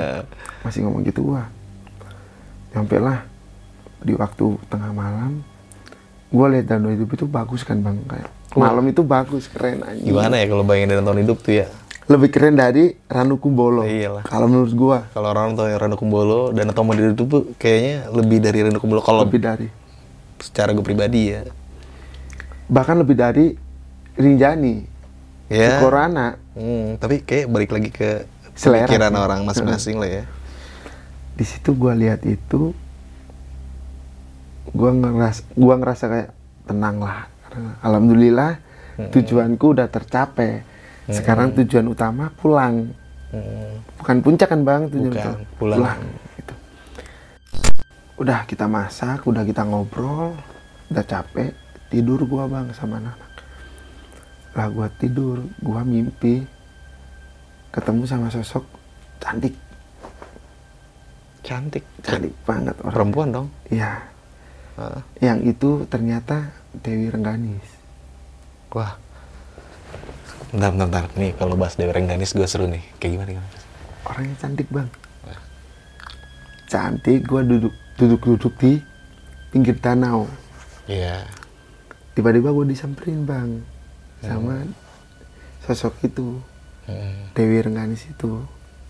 Gua ditanyain, Mas mau ke mana gitu? Mau balik? Hmm. Mbaknya dari mana gitu? Dari sini mas, warga lokal. Oke. lagi pengen refreshing gitu Hmm. lagi pengen suntuk gitu ya gua ikutin omongannya dia mbaknya ngomong mas ikut aku mas gitu ikutlah gua ke ke ajakan dia itu Mm-mm. gua ajak diajaklah ke sebuah gazebo padahal nyatanya di sana nggak ada gazebo kan Bang? Iya. di mimpi itu ada adalah gazebo gitu gue duduk ngobrol ngobrol nggak taunya gue kebangun dan posisi sorry udah mimpi basah gue Nah. Iya, iya. gue kaget dong kayak wah anjir apaan kok tadi kok gitu mimpiku gitu sebelumnya kan gue nggak tahu kalau itu Dewi Rengganis bang. Oke. gitu. gue nggak punya ya mimpi-mimpi biasa gitu. Wah anjir apaan kok tiba-tiba mimpi basah gitu kata gue Sadar tuh lu bangun. sadar. Ya memang benar-benar sadar kayak ya udahlah bajingan gitu. Gue sempet ngomong Ah. bajingan kok di sini sih? Gitu. Iya. gue bangun gue bangunin si Rizal. Sal bangun Sal anjing. Temenin ganti lah gitu. Nah di tenda kan nggak cukup bang gitu gue akhirnya pergi ke taman hidup. Lu tahu ke kalau balik sini ada hutan-hutan dikit Iya, itu iya. gue ganti di situ. Lah gue ganti di situ. Gue lihat arah taman hidup yang di jembatan segitiga itu. Iya. yang biasa buat foto itu. Di sana ada orang tiga yang awal gua lihat itu. Hah? Pendaki tiga ini ya? iya. Gua lihat mereka bercanda-canda malam itu bang. Oh iya sih nggak masuk akal sih. jam setengah dua bang. Ngapain bang? Dingin juga itu hawanya di pasti. pinggir danau gitu. Gua lihat Rizal nggak lihat. Gua lihat mereka itu asik bercandanya kayak wah itu giliran gua jalan buat ke arah tenda kan otomatis jalannya ke arah situ kan bang ya? Mm-mm. gue nenda bener-bener di pinggir danau itu. Gue jalan semakin deket semakin kecil ketawanya gue hampir deketin lagi dia diem. Langsung nunduk semua. Oke. gue penasaran. Serius di situ gue rasa penasaran gue tinggi. Karena gue ditemuin terus. Untuk Tapi yang gua- ketiga kalinya nih. untuk pada- ketiga kalinya. Dari pos 1 setelah rawa embi Mm-mm, mm-mm. terus taman itu. Gue penasaran siapa sih sebenarnya. Sorry bang Ya nggak apa-apa minum aja dulu nggak. Akhirnya dari penasaran lu itu mencari tahu atau nyamperin si dua tiga orang itu. gue ngomong ke Rizal Sal, kue nek lanjut turu turu bayar apa po? Oke. Aku tak sebat, Hmm. tak sebat dulu Sal ke sana. Lek mau nyusul ya ayo gitu. Karo sapa cak dewean ta? Yo yo lah dewean gitu. Tapi di depan gue itu ada orang tiga itu. Oke. Gue jalan ke sana, gue jalan, gue beraniin ngomong, beraniin gue ngomong Masnya dari mana gitu. Ih serius berarti lu komunikasi nih ya sama tiga orang ini ya? Serius bang, gue beraniin gue emang bener-bener penasaran. Oke. Ah. gue emang daripada gue penasaran ke bawa ke rumah kan bang ya Hmm. gue tanya masnya dari mana gitu nggak jawab. Bener-bener dia nggak jawab. Cuman kayak dia diem gitu. Dan dia nggak noleh ke ke mukaku. Tunduk. nunduk. Di tepi kayu itu dia kakinya gini ke danau gitu. Dia gini dia gini gitu. Gua kan juga nggak sopan kalau lihat dia kayak gini itu kan nggak sopan ya. Iya iya benar-benar. gua tetap jaga etika kata Ah. apa pun itu makhluknya gua gua harus bisa menghargai gitu masnya dari tadi tadi sini gitu. Gua ngomong gitu. Dia cuma ngangguk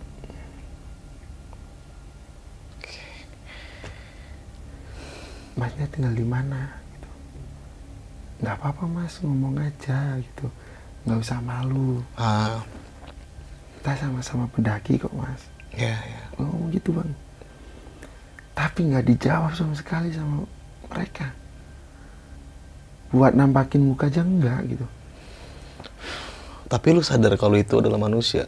Emang lu udah tahu kalau ini bukan manusia. udah tahu gua udah udah yakin sama diri gua udah siap gua apa pun resikonya karena rasa penasaran itu bang Oke. kalau emang itu gua ada sebelum nyamperin tuh gua ngomong kalau emang itu hal baik alhamdulillah kalau emang itu hal buruk berarti apes gua ketemu kayak gitu gitu kan gitu sih bang Iya iya. nyampe situ gua balik setelah gua ngomong gak di nggak direken apa sih kak nggak Nggak di- direspon. nggak direspon gitu gua langsung balik badan si orang tiga ini tiba-tiba bareng ngomong makasih ya mas Tuh. gua langsung balik bang Horor sih. Demi Allah gua demi Allah gua langsung. Setelah mimpi itu gua bangun kencing ke arah taman itu. Gua balik arah ya udah bang kalau nggak mau diganggu, mari bang gitu. Gua balik arah jalan ke kayunya itu masih empat langkah, empat lima langkah. Beliau ngomong barengan. Makasih ya mas. Langsung balik badan. Serius. langsung anjir langsung gitu waktu gua balik badan udah nggak ada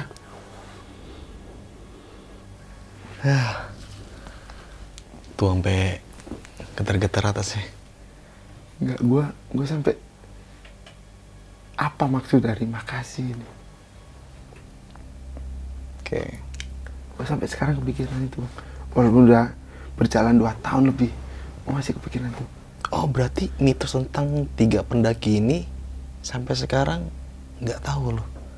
Nggak tiga tahu. orang itu siapa? nggak tahu mukanya gimana Maksud dari tujuan dia apa? Bilang makasih. iya Oke. itu gua nggak tahu bang. Gua takutnya gua bikin hal jelek. Ya. semua orang pasti takut gitu kan bang? Mm-mm. tapi gue berani diri buat nggak ngomong dalam hati ya sama-sama. Senang bisa membantu apa pun itu. Dalam hati bang bukan diucapan Ah. gue langsung balik. Gue langsung balik ke tenda. Gue langsung berpikiran gini anjir itu siapa Iyalah, normal lah. Gue juga kayak gitu pasti.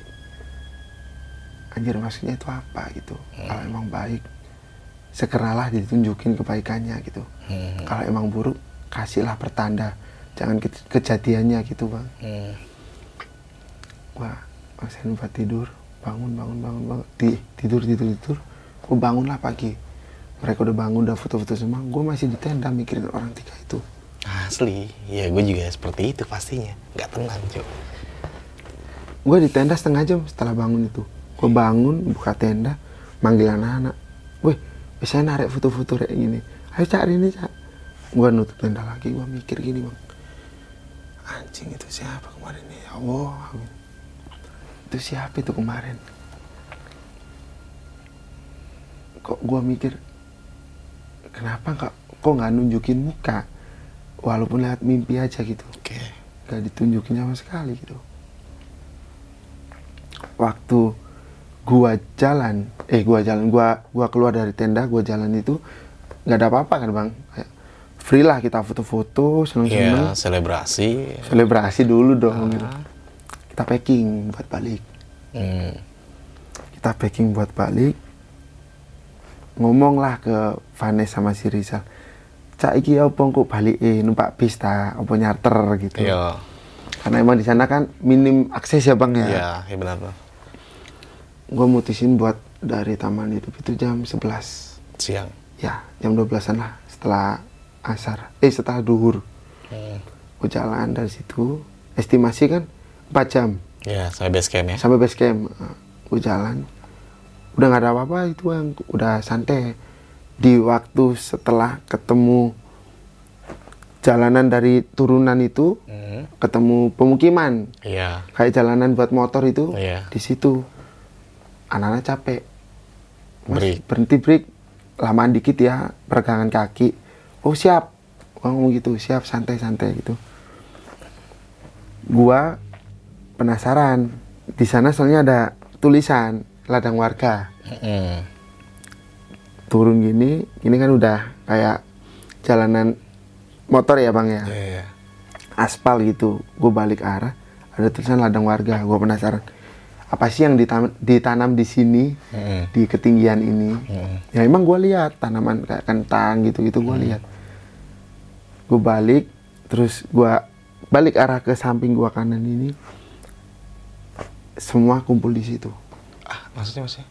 Semua ada di situ yang setelah gue lihat. Yang mulai dari tiga pendaki itu kakek-kakek itu orang yang ada di beda dimensi itu yang irama dangdut itu. Semuanya kumpul di situ. Wah, ini gua nggak bisa mengaplikasikan secara pemikiran gua dalam bentuk pemikiran logika manusia ya. Ini menurut gua aneh. Dan kalau gua kayak ngerasain kayak lu, ah gila, gak nyangka gua horor banget ini. gue langsung spontan. Tapi mereka senyum bang cuman tiga orang ini belum sempet nunjukin mukanya sama sekali. Nunduk terus dia. Asli. yang kakek-kakek itu senyum. Dua orang itu. Pokoknya yang lain senyum, yang tiga orang ini enggak ya. iya. Nggak nampakin muka lah ketika mereka senyum gua nggak takut bang. Dalam artian gua tenang ekspresi mereka senyum. Menggambarkan kayak ya udah senyum aja gitu. Cuman ada ma- masih ada ngeri ngeri lah katakanlah. Gua ngerinya apa? Gua masuk dimensi lain lagi kan bang posisi Wah, itu. repot ya kan. repot kan? Asli. Wah, udah di bawah masuk di Mesila lagi PR lagi ya. Lama Gua di lagi. situ gue cuman ngomong pak bu monggo terima kasih banyak Oh. maaf kalau saya banyak ngerepotinnya itu ngomong pakai bahasa Jawa bang Iya, iya. Pak Bu ngapunten sing kata nek ancen kulo enten badhe salah kulo ngapunten sing kata kulo matur nuwun Bu Pak Itu terlintas sama kayak pemikiran lo untuk uh, ngomong bahasa Jawa Iya. ya karena gue juga diajarin sama orang tua gue pakai bahasa Jawa Yo. Gue Ya, orang Jawa, cowoknya jangan sampai hilang ya. Iya, orang Jawa Jawanya jangan sampai hilang gitu. Gue di situ ngomong itu, mereka senyum nunduk bareng. Bu, Pak, pamit G, assalamualaikum. Ngomong gitu bang, ucapan, bukan dalam hati ucapan. Oke. Bu, Pak, terima kasih, assalamualaikum. Gue balik, gue balik itu ketemu anak lagi kan, gue Mm-mm. ngomong, mau lu di kuno lagu ketemu buah-buahan seger konjak sayur-sayuran seger konjak aku ngomong gitu. Buat pe- peregangan lah. Gue jalan gue jalan. Nyampe lah di mana? Di trek. Ya, aspal. aspal. Setelah trek aspal setelah hutan pinus itu kan ladang. Mm-mm. luas banget ladangnya. Mm-mm.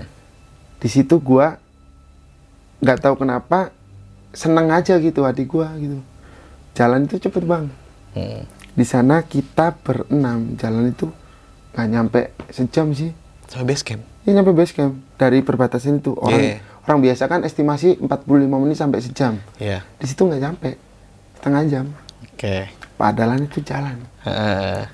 nyampe lah base camp nyampe di base camp Pak Arifin Iya, Carifin. Pak Arifin Ya. itu daerah Bremi penasaran dong gua tanya Pak kemarin aku di hutan lumu eh di hutan di taman itu dimimpiin cewek Pak. Sebelumnya kan gua belum tahu kalau itu sosok Dewi Rengganis. Gua ditemuin eh gua dimimpiin Pak sama cewek cantik banget gitu. Di daerah danau taman itu. Si Pak Arifin senyum. Ya. wah kenapa nih dalam hati gua? Kenapa pak itu?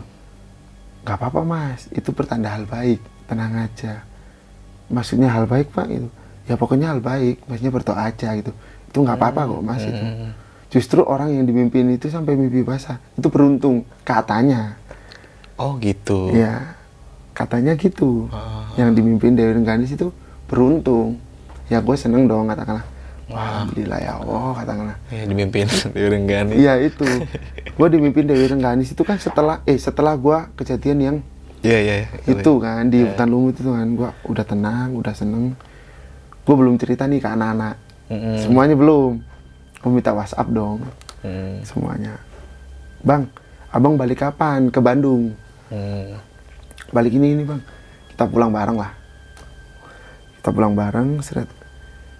Naik naik charteran mobil Sampai sampai perbatasan terminal. Oh, itu terminal apa yang kecil itu? Gue lupa, gue Iya, lupa iya, sampai iya. perbatasan terminal. Iya. kan? Ditawarin Pak Arifin. Nah, Mas naik apa mas itu? Soalnya akses di sini susah. Emang bapak ada mobil? Ada sih mas nyarter segini. Gua sama anak-anak itu, ya udah mas gak apa-apa sikat gitu. hmm. Nah, sampai perbatasan itu mereka transit dulu ke Surabaya. Iya.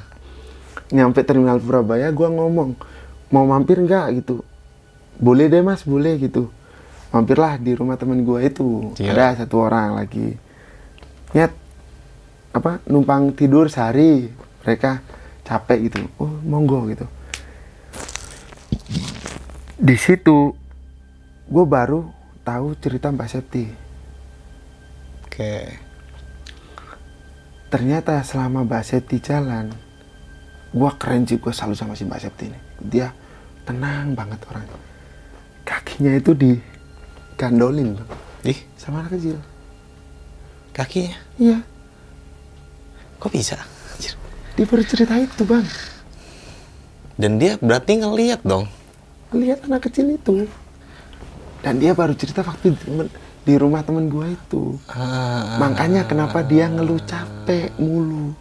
Ah, karena kakinya dipegang kakinya anak kecil. pegel dipegang anak kecil itu. Soalnya gue lihat ikinya Pak Septi. Ah, ini orang udah ke mana-mana bang.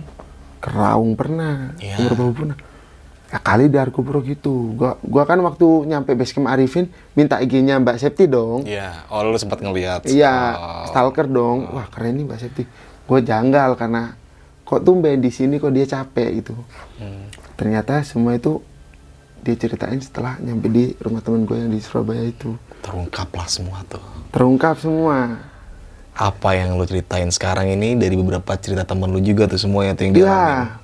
Terus orang yang dari Jakarta yang awalnya sompral, Mm-mm. dia ngomong dicemberutin sama kakek-kakek dua yang senyum ke Ya, gua, tapi ya. cemberut ke Si dia. si sompral itu. Oke.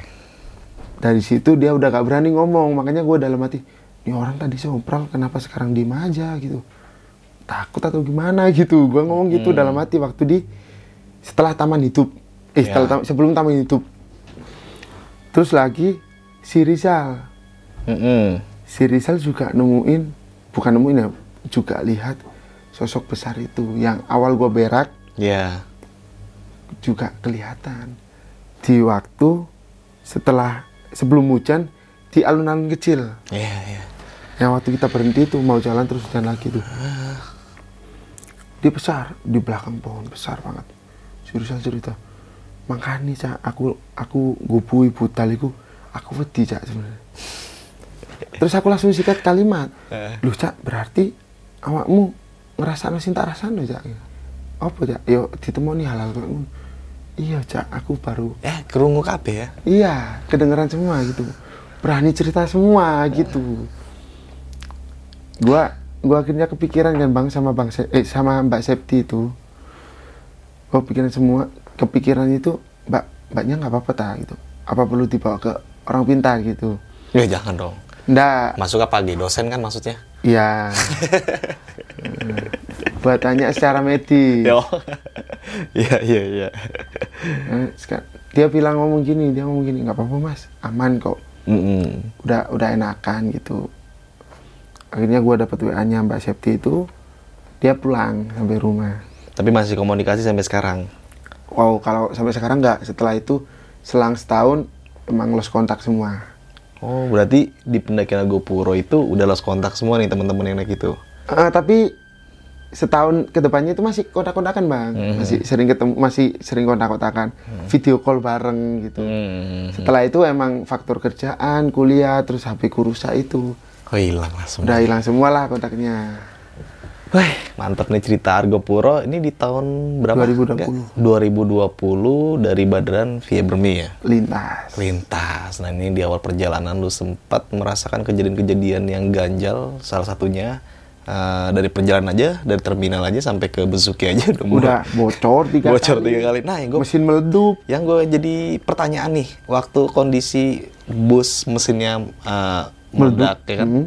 itu kan kacanya pecah. pecah Kan itu kan bis rame ya orang penumpang ya. rame Makan korban nggak sih itu ada penumpang yang ada yang berdarah wah kacau. cuman sekedar berdarah doang nggak parah lah katakanlah Ah. emang posisi duduk itu di pojok itu kosong di kaca yang pecah itu di pojok itu kosong ada sisa tiga seat kan bang satu dua itu kosong di situ ada orang itu langsung bibinya pecah itu Aduh. Berdarah itu. Kacau, kacau. Nah ini kan lu selama perjalanan aja udah mengalami kejadian-kejadian yang gak enak nih, yang Iya. dialamin sama lu ya kan. Mm. Lu sebelum naik Argo Pro punya firasat ingin gak mau naik Argo Pro gak sih? enggak firasat gue baik-baik aja gitu Ah. kayak emang ya udah berangkat berangkat aja bahkan dari orang tua juga ngerestuin bang kayak Eh, berapa hari le gitu berapa hari mas itu mungkin lima hari seminggu lah bu Iya. lah ngomong gitu karena estimasi perjalanan juga kan ah, kok lama tumben? Nggak apa-apa aku pengen ekspedisi gunung terpanjang gitu. Iya. sejawa kan penasaran kan bang gitu. Ah. oh ya wes hati-hati le ibu meso ngkei dungo ibu cuma bisa ngasih doa. Iya. udah bu gitu. Oh ya pulang dari Argopuro itu gua langsung sujud ke nyokap gua bang. Karena? Kejadian semua itu. Gua langsung sujud ke bu anakmu teko gitu. Oke. bu anakmu datang gitu.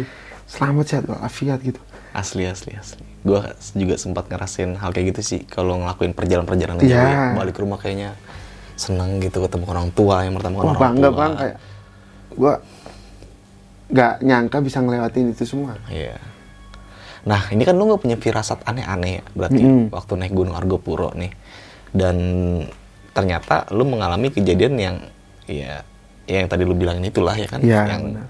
Nggak jelas, ban Oh, bocor segala macem. dilihatin di masjid itu Ah, yang gitu. orang mau ngeliat ini kan menurut gua nih ah kok ini perjalanan lu aja dari darat udah trouble sampai di gunung ngalamin kejadian seperti- kejadian kayak yang tadi lu ceritain.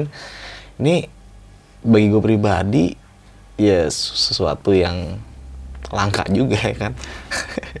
Tapi ini lo horor banget ya, sumpah horor banget dan gua nggak mau menjelaskan lebih detail tentang cerita lu dan teman-teman semua yang menyaksikan dan menonton video kali ini pasti sudah mendengarkan ya dan gua harap banget mendengarkan sampai habis karena di situ banyak banget eh, pelajaran-pelajaran yang nanti kita dapatkan ya Jar. Salah satunya kayak lu ada perbuatan yang tadi teman lu bilang sompral segala Ya. macem. Dan itu kan salah satu eh, apa namanya? Attitude yang harus dijaga dalam pendakian gunung. benar benar. Uh, itu pesan dan moralnya ya pak. Uh, pesan moral juga banyak banget lah di setiap pendakian itu ya kan. Oke Nijar kayaknya gue nggak mau berlama-lama lagi sebelum lu mengakhiri cerita. Lu punya pesan-pesan nggak buat teman-teman semua yang menonton video lu kali ini? Gue cuma pesen kalau di gunung usahakan tata dan cara kita ngomong itu dijaga. Oke. karena ada pepatah yang mengatakan di mana bumi itu dipijak di situ langit itu disuju- dijunjung. Tuh tuh dengerin tuh. Oke. Di mana tempat kita datang di situ kita harus hormat apa pun peraturannya. Hmm. dan kalau bisa kita datang bersih kita pulang harus bersih bang. Ya mungkin nggak cuma di gunung aja ya kayak semua orang kita tempat- bertamu ke rumah orang itu. Ya ya harus dijaga itu dan sopan santun kita di mana pun kita berada. Ya benar. Oke, dari gue Indra dan gak ada pesan-pesan untuk lebih detailnya lagi. Dan bagi teman-teman semua, terima kasih banget udah menonton video kali ini. Semoga berkesan dan bermanfaat bagi teman-teman semua. Kurang lebih mohon maaf. Wassalamualaikum warahmatullahi wabarakatuh.